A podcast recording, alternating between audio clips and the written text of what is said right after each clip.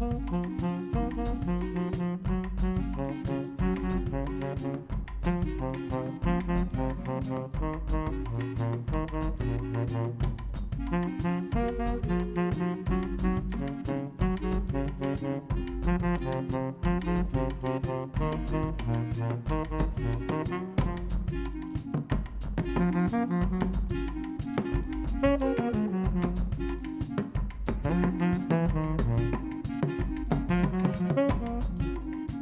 Heilsæl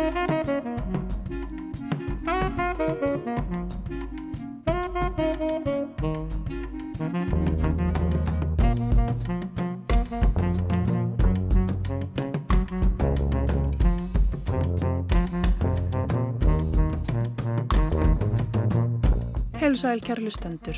Tómas Ævar Ólarsson og Halla Harðardóttir helsökur hérna og hljóðstofi Víðsjár þriðudaginn 19. september. Víðsjá hefst þennan daginn á læginu To Never Forget the Source úr smiðu bresku hljómsveitarinnar Sons of Kemet af blötunni Black to the Future frá árinu 2021 og það er nákvæmlega það sem við ætlum að gera í Víðsjá í dag. Pass okkur að gleima ekki kjarnanum. Einmitt. Og í þætti dagsins draugapennar, púsiræjot og konurnar á Eirabakka. Síðastliðin miðugudag, þann 13. september, opnaði síningin Flaugjels hriðiverk Rústland púsiræjot í Louisiana-safninu í Danmarku. Síningin er uppálega hugafólstur listamannarekna gallerísins Kling og Mössju Aljókínu úr púsiræjot og var vel sótt í Marsjálfhúsinu í fyrra. Sýningin í Louisiana-safninu hefur vakið mikla aðtegli og lukku þessa fyrstu daga. Samkvæmt upplýsingum frá Kling og Bang sótt yfir 4000 gestir sýningun á fyrsta degi hennar en hún mun í framhaldinu farast til þryggja annara mikilsvirtra sýningastada, austanhafs og vestan. Og mun þetta veri fyrsta sinn sem sýning sem gerðir einverðungu fyrir íslenskan sýningastad fyrir viðlíka ferðalag. Af gefnu tilöfni rifjum við upp þessa sýningu og sögu púsiræjot í þætti dagsins. Leigupennar eða draugapennar er fyrirbæri sem fyllt hefur hennu skrifaða máli um aldir. Draugapenni er í einföldu máli höfundur sem skrifar í nafni annars. Manneskja sem semur eitthvað fyrir aðra mannesku en síðan telst höfundur verksins. Það gefur að skilja að leiga á slíkum pennum er yfirleitt í höndum efnamera fólks. Ástæði fyrir drauga skeitinu við orðið er svo að oft ríkir lind yfir því hver pennin er en það þykir leiga á slikri skrif þjónustu stundum vandræðaleg og jáfnvel skömmustuleg. En undanferðin ár og jáfnvel áratögi hafa orðið miklar breytingar á þessari lind. Í þætti dagsins skoðu við nýja erlenda skáldsögum sem vakið hefur umræðana um draugaskrif. En við hefum þáttinn því að fá til okkar gest sem var að senda sína fyrstu bók í prentun, Jónínu Óskarsdóttur. Bókin kallast Konurnar á Eirabakka og fjallar um líf og störf kvenna í þessu þorpi sem við upphaf síðustaldar var einn helsti verslunastæður landsins. Bókin segir sögu 38 kvenna og spannar yfir 100 ára tímabil. Ég tók á móti Jóninu í hljóðstofu í morgun. Sæl og blessuð Jónina og verðtu velkomin í Viðsjá. Takk fyrir að bjóða mér. Þú ert að gefa út þína fyrstu bók og bók sem að þú hefur vist lengi gengið með í maganum, ekki satt? Hvað hérna, eða höfðinu kannski frekar? Bæði. Já, hvað kemur til að þú gefur út bók núna? Ég byrjaði að taka fyrsta viðtali fyrir bókinu, þetta er viðtalsbók um konur og æra bakka og ég semst, tók fyrsta viðtali 2012 í gegnum síma við vinn pappa míns af því hann var árið 90 eitthvað ára gamall og ég hugsaði núni síðast í stjánast að tala við hann og það er í rauninni, þar byrja ég. Mm -hmm. síðan hérna hitti ég frængu mína sem er alin upp á Eirabakka sem er nafna mín. Og hún sem sagt hefur líka mikið náhuga á þruna sögu Eirabakka og við ákvaðum að svona, slá til og fara saman í þetta verkefni að henni leist vel á þetta, þessa hugmynd sem ég var með um að gera bók um konur og Eirabakka Einmitt Þú sérst hefur gengið með þessa hugmynd lengi maður um að varpa ljósi á líf þessara kvenna sem að byggu og, og störfuðu á Eirabakka, svona ljósa líf sem að kannski er eh, oft bara svona í myrkrinu innan vekja heimilisinn, svona líf og störf sem að við heyrum kannski ekki alltaf af. Var það ekki það svona sem að svona kveikti í þér? Jú, það kvekti í mér og hérna og líka bara því semst, við fórum alltaf að Eirabakka þó við, semst, papp og mamma voru brottfluttir erbyggingar flytja til Reykjavík þau fara að búa. En við komum alltaf á Eirabakka því við vorum með aðgangað húsi ömmuminnar sem heitir Eiri og mamma, alltaf við komum þar sem ég raunni kannski að gerir þetta, það er það að mamma hún alltaf, að því hún flytur burtu þá er Eirabakki alltaf í fortíða ljóma hjá henni. Þannig að þegar við komum á Eirabakka þá er hún alltaf að segja okkur sögur af húsunum, þetta er ekki neina langa sögur en það er svona ímislegt svona smáatrið, þarna bjóð þessi og það, hann gerir þetta og hún gerir þetta og, og það verður svona, þetta verður svona svolítið lifandi mynd af öllu frá því hún er barn. Mm -hmm. og ég, mér fannst mjög gaman að hlusta á þessu sögur og mamma notaði mig líka svolítið sem segulband hún saði, semst hún saði þegar ég saði stundu, en mamma ég er búin að ég er búin að segja mig þetta ofta aður, já ég veit þetta og þá saði hann, já það er svo gott að segja þetta þá mann ég þetta betur uh. og þú ert með þessa hugmynd að koma þessum sögum móðurðinnar og annar hvernig frá þér mm. þú er starfað auðvitað við annað alla æfi, en mm. ákveður að fara hvað í reitlist svona á, í setni tíð Já Það ég... er kannski líka það sem að kemur að stað eða hvað? Jú, það kemur að svona að stað að gera þetta og ég hérna á tíanbili var ég að taka viðtöl fyrir heimaði best þannig að hérna og þannig svona komst ég svolítið á bræði með viðtölinn Já, en réttlistin, hérna, það var eiginlega tilvílinn, ég fór í hana, í, hérna, ég var að uppfæra fórsturskólaprófum mitt því, eftir ég byrjaði á bókasamnu. Ég, þess, það eru hærri laun en maður með háskólapróf, heldur en fórsturskólapróf, gamla. Þannig að ég fór í, tók B.E.D. hérna í kennarháskólanum. Mm -hmm. Starfaður framanna sem fórstra? Ég var svona í tíu ár við það. Mm -hmm. ég, ég fór sent í fórsturskóla líka, bara upp á þrítu. Ég, ég fór, fór sent í svona, mm -hmm. já, í, í nám. Mhm og já, svo hérna vantaði ykkur eininga upp, einingu upp á hérna hjá mér í kennaraháskólanum og konar, svona, maður námsvalgeðin spurði hvað, hefur ekki gamla ljóðum? Og jú, ég hef mjög gamla ljóðum. Og ég fór í það hjá Þorði Helgarsinni og þar áttu við sjálfa yrkja ljóð. Mér fannst það rosalega áskorun og mér fannst allir svo dugli nema veist, þannig að ég ætlaði eiginlega að hætta. En svo kom bara ljóð til mín á bókarsinni því ég var að upp bókum kom bara eitt svona fljúandi til mín mm. og þar með svona þarði ég þessu. Og opnaðist þá bara einhver gátt?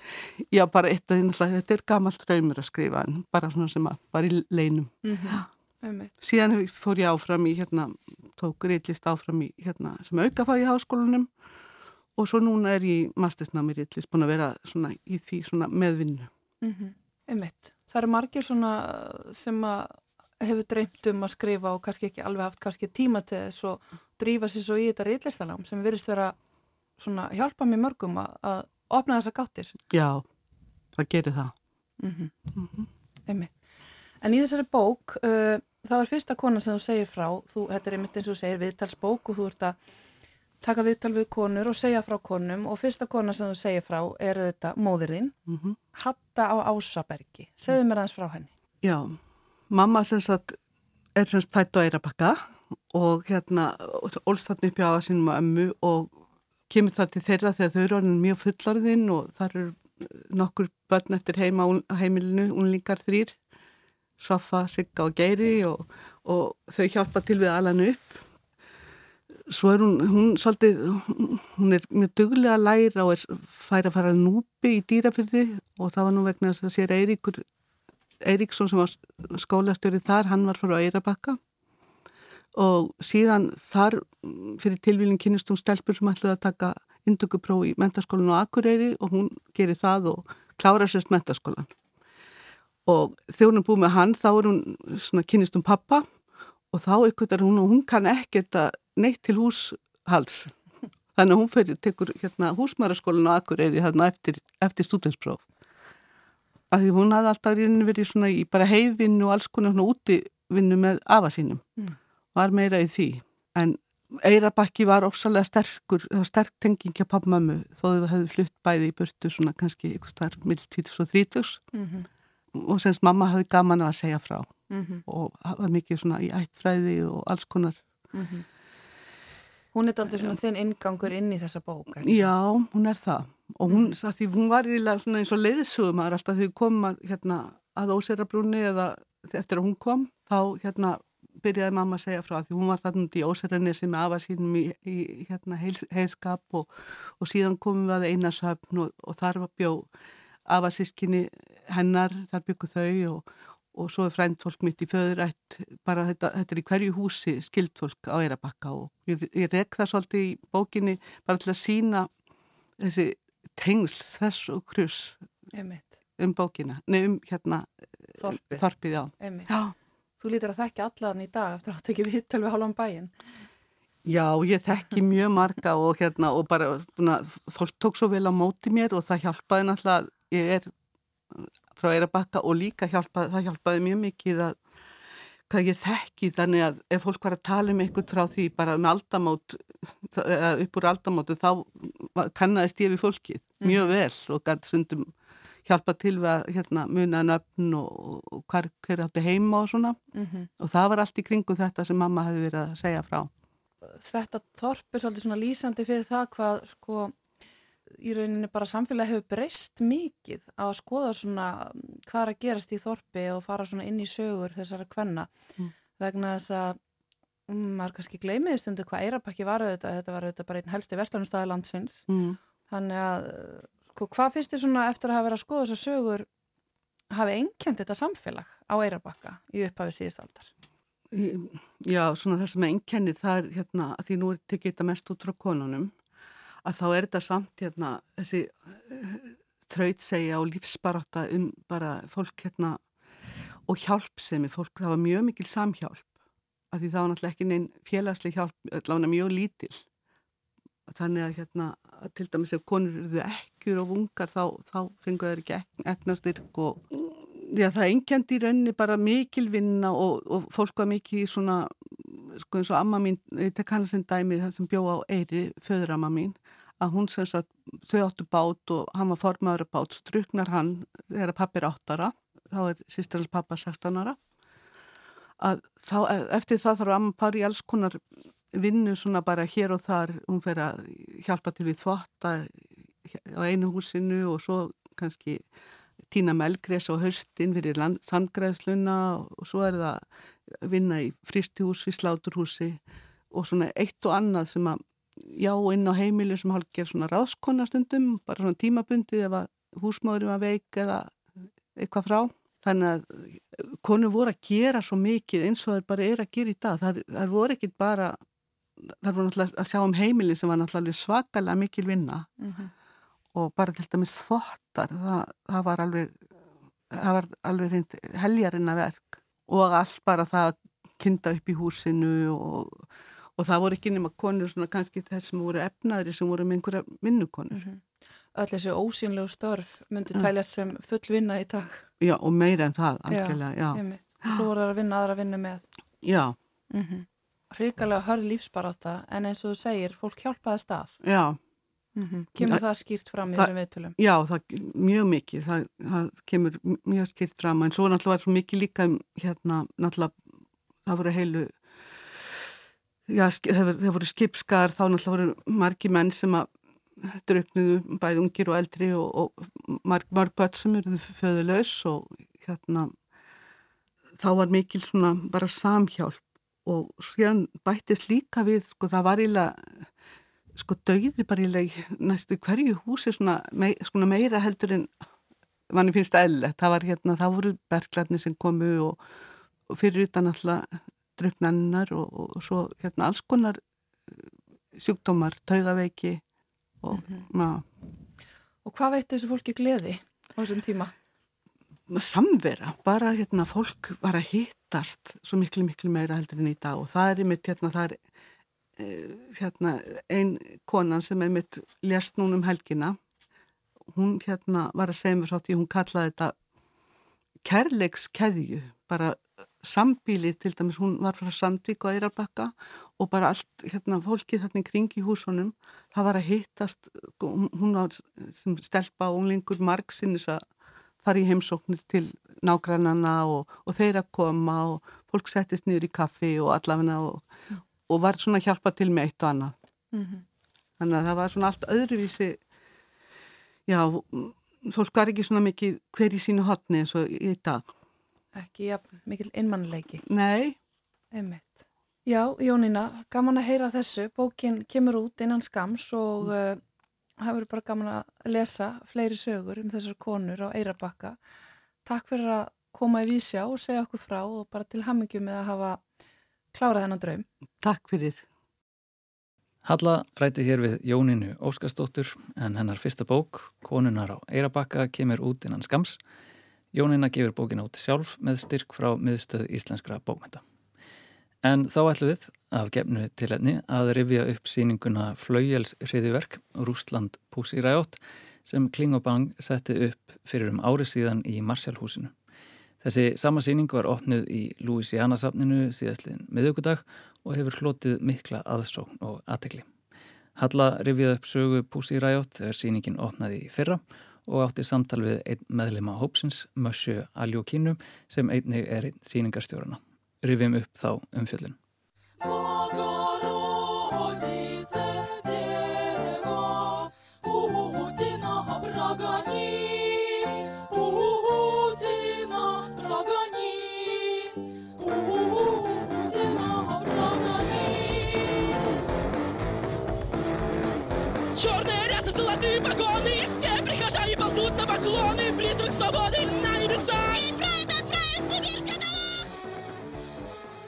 Ó heilaga Guðsmóðir, komdu Pútín frá, komdu Pútín frá.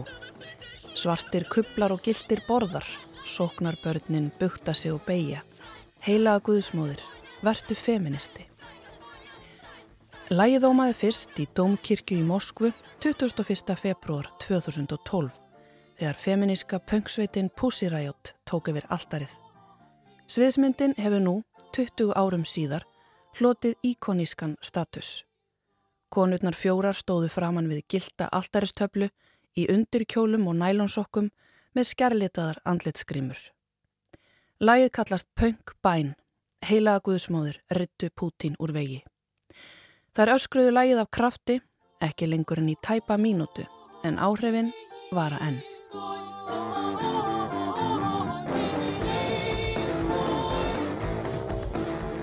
Gjörningurinn vakt ekki aðeins aðtekli í Rúslandi Pútins heldur um alla heimsbyðina og þremur ungum konum úr hljómsveitinni var hent í fangelsi. Heimurinn fylgist aktofa með þessum ungu reyðu konum sem þorði að mótmæla Pútin.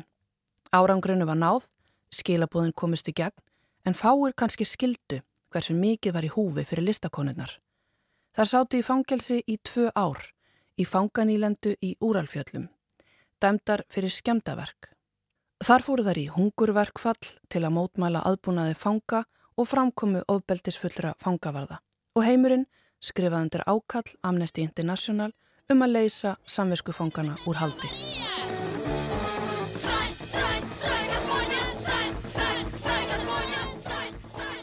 Pussy Riot er upphálega feminísk pönglumsvitt sem einsætti sér að vekja aðtikli á réttinda baráttu minnihlutahópa og berjast gegn Pútin og allraðistefnu hans. Bandi var stopnað í ágúst 2011 en Pussy Riot þróaðist hratt úr því að vera hljómsveit með beittan báðskap yfir að vera eins konar gjörningahópur sem notar listina og internetið sem miðil. Fangelsun meðlimanna bættu svo nýju lægi á eðli hópsins. Þar voru ekki lengur bara listamenn heldur einnig óvinni ríkisins. Pussy Riot kemur oftast fram óvænt og í almanarímum, heldur stutta tónleika sem er svo dreift um internetið. Það má segja að Pussy Riot sé hálgerð andspyrnurheyfing. Hreyfing sem mótmælir fyrst og fremst fæðraveldinu sem er undirstaða þeirra menningar sem við búum við en einnig brotum á mannréttindum að hræstni rúsnesku klerkakirkjunar og spillingu og valdnýðslu Pútins. Áherslan á andáf gegn Pútins sjálfum hefur svo aukist með árunum. Eins og fyrr sáði er sveitin skipuð mismörgum og það er misjamt hver þeirra koma fram hverju sinni. Grímurnar gefa baráttunni eitt andlit og hver sem er getur lagt henni lið, aðferð sem annað feminist anspyrnu listakollektív hefur nýtt sér, Guerilla Girls, sem og aðrar pólitískar anspyrnurhefingar. En eftir handtökuna 2012 var grímunum flett af uppáskonunum og síðan þá hafa tvær þeirra verið talsmenn baráttunar út af við Marja Aljokína og Nadesja Tolokonikova. Þær og aðrir meðlimir hafa margsinnis verið handtekinn en alltaf nær Pussy Riot að nýta ofbeldi rúsneska ríkisins sem efni við í gjörninga og annars konar listaverk. Frá því að Pútín reðst inn í Úgrænu hefur Maria Aljakína eða Masja verið handekinn ótalsinnum fyrir að tjása á samfélagsmiðlum, fyrir að mæta á fjöldamótmæli og fyrir að styðja Alexi Navalny ofinberlega. Hún hefur sittið í stofufangelsi og einni sætt ferðabanni. Þegar hún frétti í vor að þetta flytja hana úr stofufangelsi og í fangelsi ákvað hún að flýja Rúsland. Og til að koma því framkvæmt fekk hún aðstóð frá vinum sínum, þar á meðal myndlistamanninum Ragnari Kjartansinni. Eftir langt ferðalag með viðkomu í Litáen kom Marsja hinga til lands í sumar á samt öðru meðlumum sveitarinnar og hófust á æfingar á sviðsverkinu Riot Days. Verkið byggir á bókmessu Riot Days sem kom út 2017. Bók sem er einskonar manifesto og reynslausaga að því að sitja í fangelsi í tvö ár eftir pöngbænina 2012. Pussy Riot hefur þegar ferðast vítt og breytt um Evrópu með verkið sem hefur vakið mikla aðtegli og aðsókn en með síningunni sapna þær fjármunum til að styðja við Ukrænu. Í þessum töluð orðum opna svo í Kling og Bang fyrsta yfirlitsýning sem gerð hefur verið á politísku mótmálagjörningum Pussy Riot. Sýningin kallast Flaugjals hriðiverk, Rúsland Pussy Riot og er í síningarstjórn Dorotheu Kirch, Ingi Bergar Sigurjónsdóttur og Ragnars Kjartanssonar. Á síningunni verður einnig sínt nýtt verk sem tekið var upp í Reykjavík og annað kvöld mun svo Pussy Riot flytja Riot Days í þjóðleikusinu. Sýningin í Kling og Bang er gerð í samtali við Mössu og það var þar sem ég hitti hana í gær. Eftir að hafa rætt ferðalagi til Íslands og svo nýjafstana útitónleika í Prag, þar sem að Masja nær misti röttina, færðist samtalið að mætti listarinnar til að varpa skýri ljósi á þunga hluti. Masja segir markmið síningarinnar í Kling og Bang fyrst og fremst vera sína ákveðna þróun sem hefur átt sér stað í Rúslandi. Hvernig landi hefur breyst frá því að Pussy Riot hóf sitt andof fyrir rúmum áratug. So this is our actions, street actions and also important events which we had during this all this period and I think one of the main goals is to show how Russia was changing and how we came to this terrible point when it became clear to the rest of the world uh, that it's a terrorist state and Putin is a terrorist, which we were trying to Við viljum reyna að varpa ljósa það hvernig við komumst á uh, þennan stað. Staðinn þar sem að öllum var skindilega ljóst að Rúsland er allræðisríki og að Pútín er hriðjörgamaður segir Masja. En þetta er nokkuð sem þær í Púsuræjot hafa reynda að miðla með gjörningum sínum í nær áratug eða frá því að þær voru listar úr fangelsi árið 2013. It's important for me personally to show how how the country can, you know, change from soft authoritarian thing to the deep totalitarian hell. Uh, Masja segir mikilvægt að varpa ljósa á það hvernig eitt land geti þróast frá því að vera einræðisríki yfir að vera allræðisríki frá helviti. Svona lagað gerist ekki einni hendingu heldur yfir langan tíma. En mikilvægt sé einnig að átta sig á því að þessi þróun er ekki einstam í sögunni, ekkert sér rústnest fyrirbæri. Heldur sé þetta í raun dæmisaga. Brjálaður harstjóri kemst til valda og nauðgar landinu. Pussy Riot vilji varpa ljósi á hvernig slíkt geta átt sér stað og um leið hvernig þær hafi reynda bend á þann veruleika. Mikið vatn hefur runnið til sjávar frá því að Pussy Riot hófu sitt andof. Allræðslög hafa verið sett, eitrað hefur verið fyrir andstæðingum, landsvæði hernuminn og svo innrásinn í Ukrænu. Ég spyr mjössu hvernig tilfinning það sé að hafa fylst með þróuninni og vara við henni í áratug fyrir döfum eirum vestrætna stjórnmálamanna. Uh, we just came out from our two years term uh, in 2014 and we went to Olympic Sochi to with the song Putin will teach you how to love the motherland. We received first physical violence, I think, on our bodies. Uh, I mean, in our lives. Um, and just after that, I mean, a week after Crimea was annexed, and I think that was Massa lýsi því hvernig meðlemið Pussy Riot voru í fyrsta sinn á æfisinni beittar ofbeldi af lauruglunni en það var eftir mótmæli þeirra á vetrar olimpíuleikonum í Sochi árið 2014. Stuttu síðar var krímskæin innlimaður næstum án gaggrinni og á sama tíma voru ríki á borð við Frakland, Þískaland og Ítalju að selja rúsum vopn. Hún segir dæmin um hræstni vestrætna stjórnvalda vera mýmörg. Til að mynda hafði það komið ljós eftir laurugluransókn í Þískalandi nú í sömar að þýst fyrirtæki hafið selgt eituröfnið Novichok til Rúslands. Efnið sem notað var meðal annars til að eitra fyrir Alexei Navalny og einu meðlimi Pussy Riot. I mean, it's still not in the past. It's still a lot of things to do. Uh, not all the oligarchs are sanctioned. It's just uh, 30 people, uh, sorry, 30, 30, 30 people are under sanctions, but it's thousands of them. Thousands of them Uh, villas, jachtas, uh, Aðeins 30 óligarkar hafa verið sektaðir en það er ekki nóg því þeir skipta þúsundum, segir Masja. Þeir sigla ennþá um á miljardar snekkjunum sínum og senda börnin sín í dýrustu engaskóla heims og enginn segir neitt. Masja bendir á að fleiri en púsiræjat hafi öskrað á torgum til að vekja aðtikla á stöðunni. Mannréttinarsamtök og einstaka heiðalegu stjórnmálumadur hafi flagga rauðu en það hafi verið nokkuð ljóst að viðskiptahagsmunir hafi alltaf verið teknir fram yfir líf fólks. Og afleðingar þess sjáum við í Úkræn í dag. I mean, it's politics. So of course I'm sad but let's say I'm not surprised.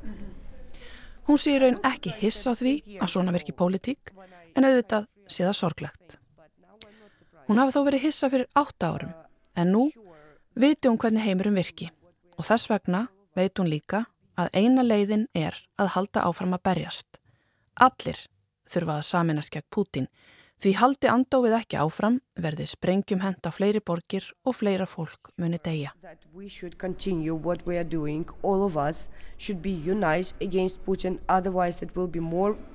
bombed and simple. Eftir að stríði braust út hefur mikið af orgu púsiræjot farið að sapna pening til að senda til Úgrænu. En einnig er upplýsingagjöf stór hluti af baratunni. Meðlemið púsiræjot stopnuðu Mídiasón, fréttaveitu á netinu sem eru frá 2014 flutt óriðskoða fréttir. Síðan er undir stöðugum árásum en hefur náða að lifa og er í dag eitt mikilvægasta tólið í andspyrnu gegn falsfréttum Pútins. Ég spyr hann út í mikilvægi upplýsinga á stríðstímum. We, we are raising money for Children's Hospital but it's also very important to uh, to publish the information because if you are in Russia it's illegal to publish the information. Uh, so everything which is not approved by the Russian state called fake. So for, e for Masja segir miðlun sannleikan skipta öllu máli því í Rúslandi sé ólulögt að segja sannleikan Allt sem yfirvöld samþykja ekki er sagt falsað. Að deila grein frá erlendri fréttaveitu eða kalla stríðið stríð getur þýtt frá 5 upp í 15 ár í fangelsi. Og það sorglega sé að stór hluti rúsa trúi falsvettum Pútins. Áráður virkar og við vitum þetta því sagan hefur kjent okkur það, segir hún. Things, but the truth is that propaganda, totalitarian propaganda works. This is sad reality. It works. It worked like in different countries. It worked in Nazi Germany. It worked in Ruganda. It working in Russia. Uh, Áróður virkaði í Þýskalandi nazismans, hann virkaði Ruanda og hann virkar í Rúslandi. Og það versta er að áróður eitrar. Hann sáir fræjum haturs í hjörtum fólks og fær fólk upp á móti hvert öðru. Fær fólk til að hata. Hata Evrópu, hata Úgrænu, hata jafnvel meðlimi sinnar eigin fjölskyldu. Þess vegna er lífsnöðsynlegt að halda réttum upplýsingum af fólki.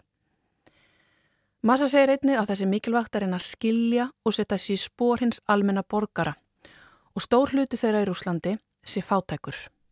The level of poverty in Russia is huge. People are poor and when you almost don't have anything and you just have your work I mean, your 10 hours of working day, uh, going from from there to your home, and you're just a simple man, you, you want to feel that you are part of something great.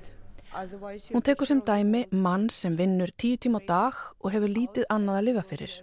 Fyrir þennan mann er mikilvægt að vera hluti af starra samhengi. Það gefir lífinu tilgang. Þegar þessi sín brestur, þá brestur líka veröldin og afleðingin getur verið sjálfsmorð. Því lífið, sérstaklega á fátakari svæðum, getur verið hræðilegt. Lífið var aldrei gott, segir Masja, en Pútín gerði það verra. Með áráðri heila þói hann fólk og það sé sérstaklega auðvelt að heila þó fólk sem trúir enn á gamla Sovjet. Massa segir að Mítiasón fréttavitan hafi verið hugsu til að sporna gegn þessu. Þar voru í byrjun fyrst og fremst fluttar fréttir úr réttarsölum og innan úr fangelsum og hugmyndin hafi verið að gera þess konar fréttir vinsalar, setja þung og há alvarleg mál fram með léttum hætti til að ná til eins almenna borgara. Og hún segir að það hafi virkað. Í dag séu saðar fréttir af réttarhöldum í Rúslandi en fyrir tíma Mítiasón voru þau aldrei rætt. Fólki fannst þau ekki koma almenningi við. Massa segir þetta skipta miklu máli því það sem gerist í réttarsölum sé afhjúpandi fyrir eðli ríkisins. Rétt eins og meðferð ríkisins á borgurum sem hafi verið fangilsaðir sé lýsandi fyrir eðli þess. Innlit í fangelsi sé innlit í ástand stjórnarháta landsins mælikvarði á heilbriði ríkisins. Og ansbyrna er líka einhvers konar mælikvarði á heilbriði í huga mössu. En það segir hún að ansbyrnan sé það eina sem getur mögulega komið Pútin frá. Hún trúir á samtakamáttin og fólkið. Fólkið miklu frekar en á stjórnmálamenn. Ég spyr hana þó á lokum hvað stjórnmálamenn geti gert til að stöðva Pútin. Masja er ekki lengi að svara. Hættið að kaupa rúsneskar auðlindir setið viðskiptaband á rúsneskar auðlendir, gas, ólju og allt. Hættið að fjármagna hriðverkamenn. Stop buying Russian resources. Put the full embargo to Russian resources, gas, oil and all of them. Just stop paying for terrorists.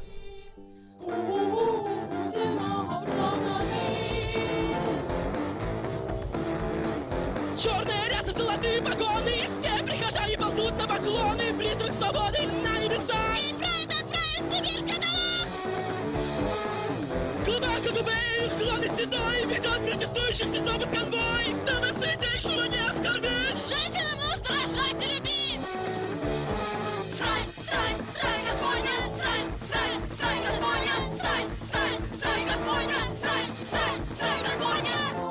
Masja Aljókína einn meðlema Pussy Riot og síningastjóri síningarinnar Flaugjels hriðiverk Rúsland Pussy Riot sem Klingobang setti upp í Louisiana-safninu í síðustu viku. Síning sem hefur vakið aðtekli og umtal og mun ferðast á fleiri síningastæði vestan og austanhafs. En þá förum við aftur yfir í bókmyndirnar.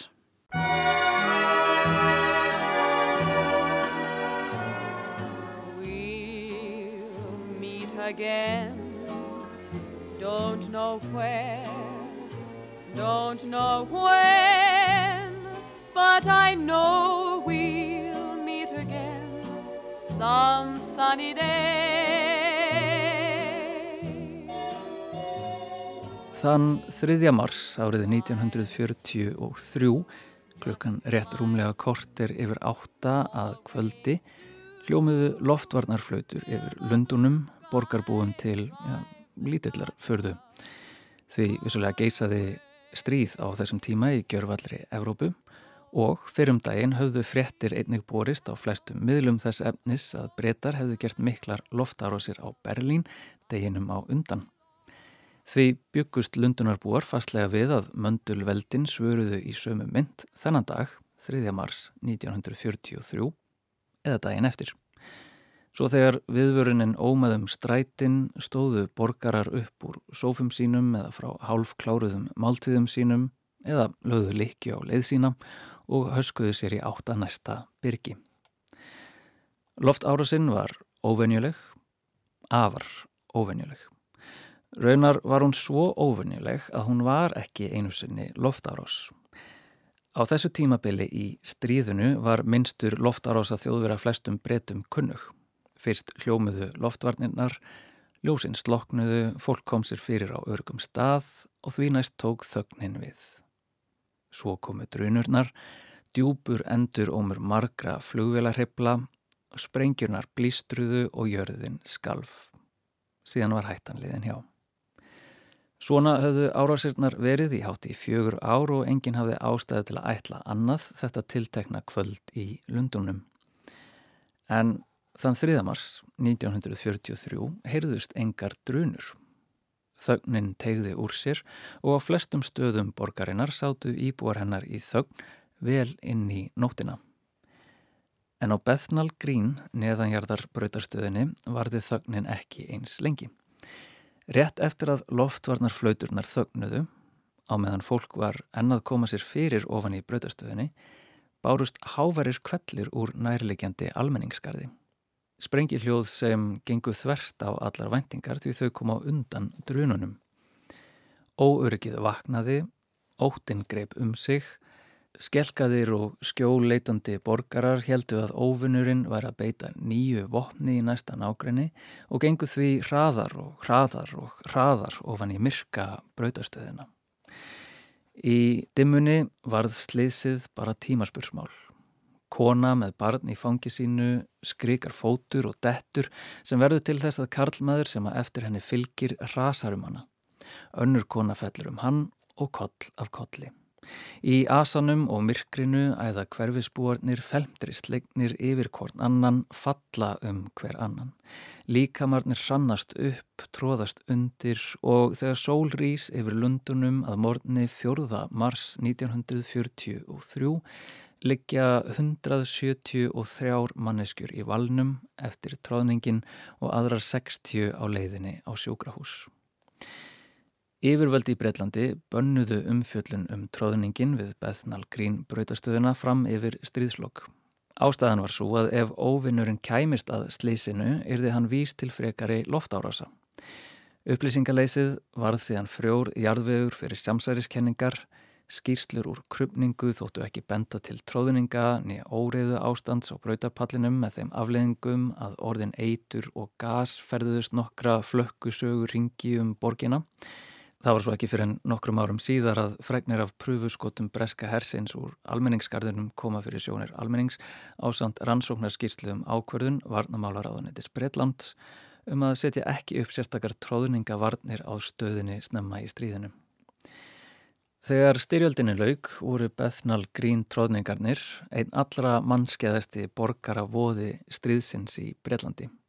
Slis sem átti sér stað þegar loftvarnar flautur ómuðu þrátt fyrir að engin óvinnur nálgæðist. Slis sem átti sér stað vegna óta almennings við óhljóðin í loftvarnarskeitum breska hersins. Slis sem var aðeins mögulegt vegna kæruleysis breska varnarmála ráðunendisins.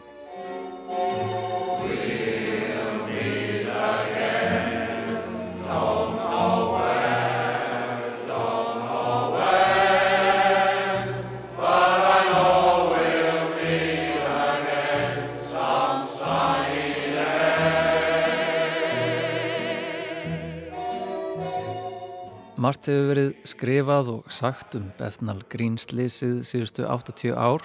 Heimildamindir, útvarpserindi og greiningabækur hafa komið út en í ár kom út skáltsaga sem gerir þetta slýs að leiðarstefi sínum.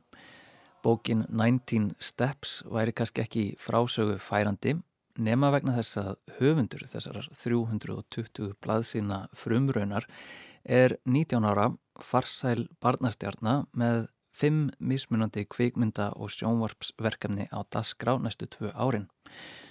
Leikona sem við flest sáum fyrst hlaupandi út úr skóarþykni, snóðaða og skjálfandi í slitnum sjúkrahús slopp í vinsælu þáttaserjunni Stranger Things á Netflix. Já, Millie Bobby Brown var að gefa út sína fyrstu sögulegu skaldsögu.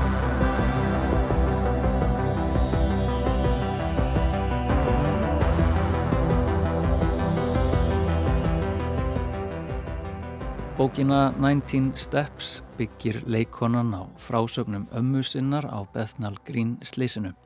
Söguþráður skaldsögunar hverfist um hérna 18 ára gömlu Nelly Morris. Hún starfa sem aðstofamæður borgarstjóra og á í ástasambandi við bandaríska herflugmannin Ray. Í bókinni fær hún síðan það þunga verkefni að skrifa niður frásagnir vittna fyrir rannsókn borgar yfirvalda á sleysinu. Bundin strángri þagnarskildu auðvitað sittur Nelly og rítar innihald meira en 80 viðtala við vittnisleysins og fær ríka insinn inn í tildrög þess. Og þarf síðan í framhaldinu að glíma við þá siðferðilegu klemmu sem viskunni og lindarhyggjunni fylgir. 19 Steps hefur fengið blendnadóma frá gaggrinendum ytra. Sagfræðilegi speillin á slísið og afleiðingar þess á samfélagið þykir sterkast í hluti sögunar og meðan ástasamband Nelly og Ray sem síðar verður að ástar þrýhyrningi með æsku vinunum Billy þykir fremur þund, klísulegt og fyrirsjáanlegt. En gefur bókinni vissulega þann skrið þunga sem hún þarf til að kafa ofan í Bethnal Green slísið. Og fyrir þennan 19 ára rittöfund sem er hér að stíga sín fyrstu skref innan bókmynda þykir verkið heldur stert byrjandaverk. Nema, það er eiginlega álita mál að 19 Steps geti verið kallað byrjandaverk.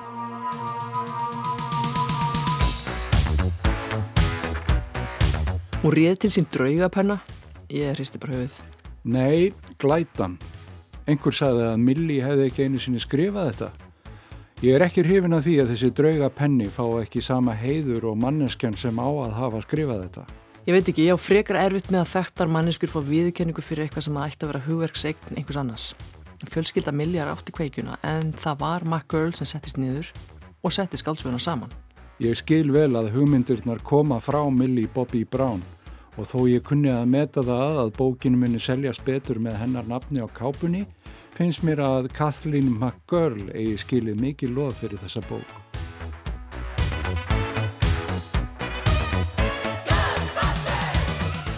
Eins og heyrist hér, beint úr aðtúasenda kerfi Goodreads, þá er ekki allir par sáttir við þá mjög svo ofinberu ákverðun Millie Bobby Brown að ráða til sín leigupennan eða draugapennan Kathleen McGurl.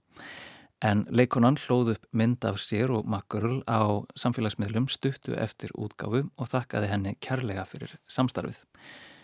Slík draugaskrif eru vissulega ekkert sérlega ný af nálinni, til eru heimildir margar aldir aftur í tíman um þessa yðju. Til dæmis er það ein af mörgum kenningum í kringum breska leikskáldið William Shakespeare að hann hafi notast við teimi draugapenna til að koma verkum sínum fljótt til leiðar.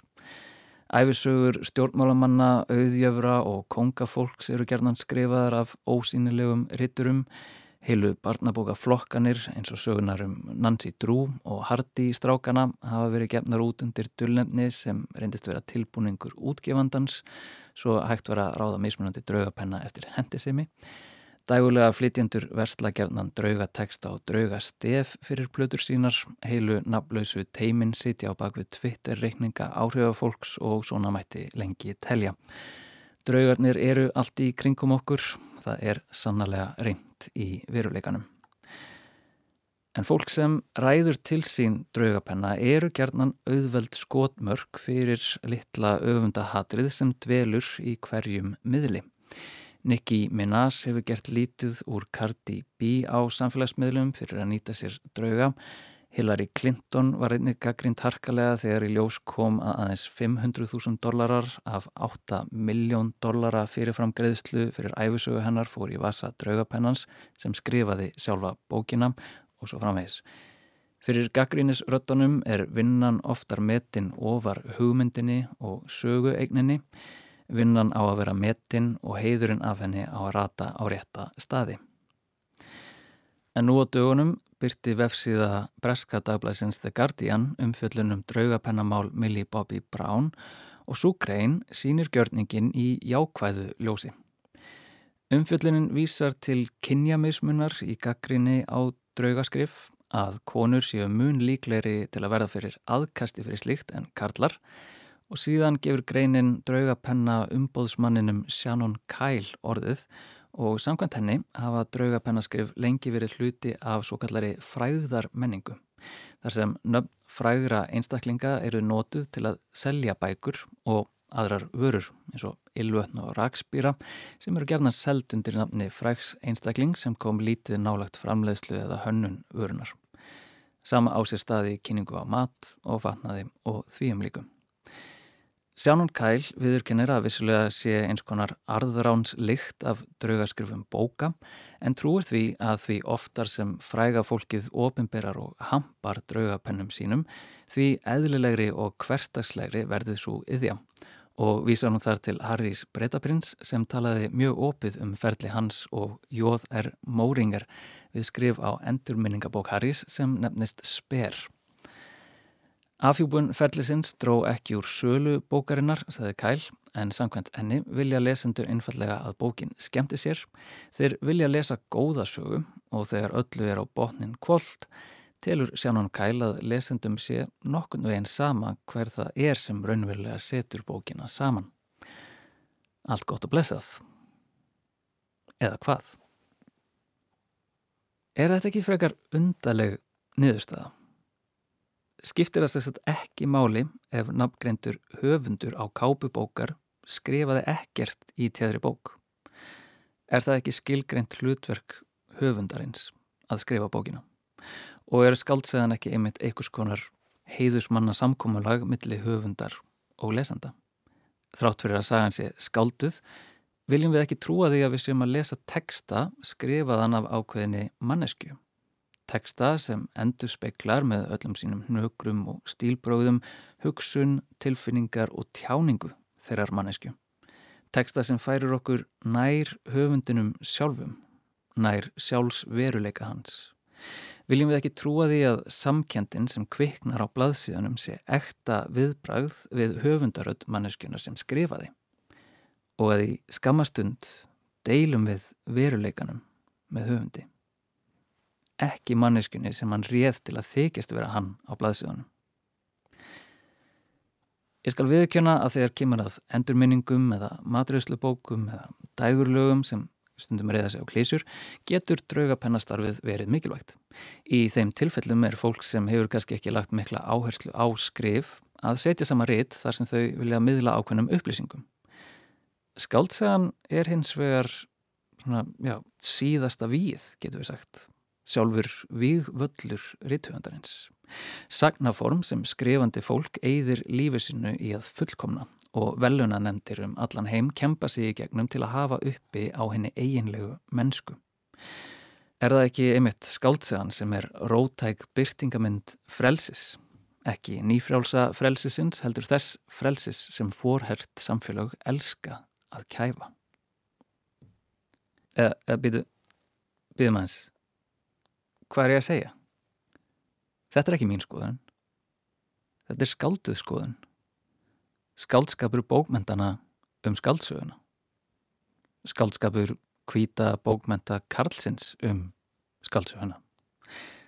Hér er ég vísvitandi að leifa mér að falla í kynja halla gildruna sem Shannon Kyle útlistar í Grein The Guardian verandi algjör basic kvítur hetero karlað gaggrina ákverðun 19 ára konu um að ráða aðra mannesku til að skrifa bókina sem henni langar að skrifa ég byggst velvinningar ég trúði vissulega að skaldsagan sé frjáls en það er vegna þess að hún er líi og það að ljúa til um nafn og sjálfs veru höfundar er nákvæmlega það sem skaldsagan býður upp á og er færum Ég viðurkynna að persónulega finnst mér markasending draugapenna skaldsagna pínu óspennandi og einnig harma ég hlutverk peninga að valda í þeim efnum en skaldsaga er skalduð saga og það að hún sé að þykjast vera skrifið af annari manneskinn raunverulega að skrifa hana er í raun bara frekar spennandi hluti af skaldskap skaldsögunar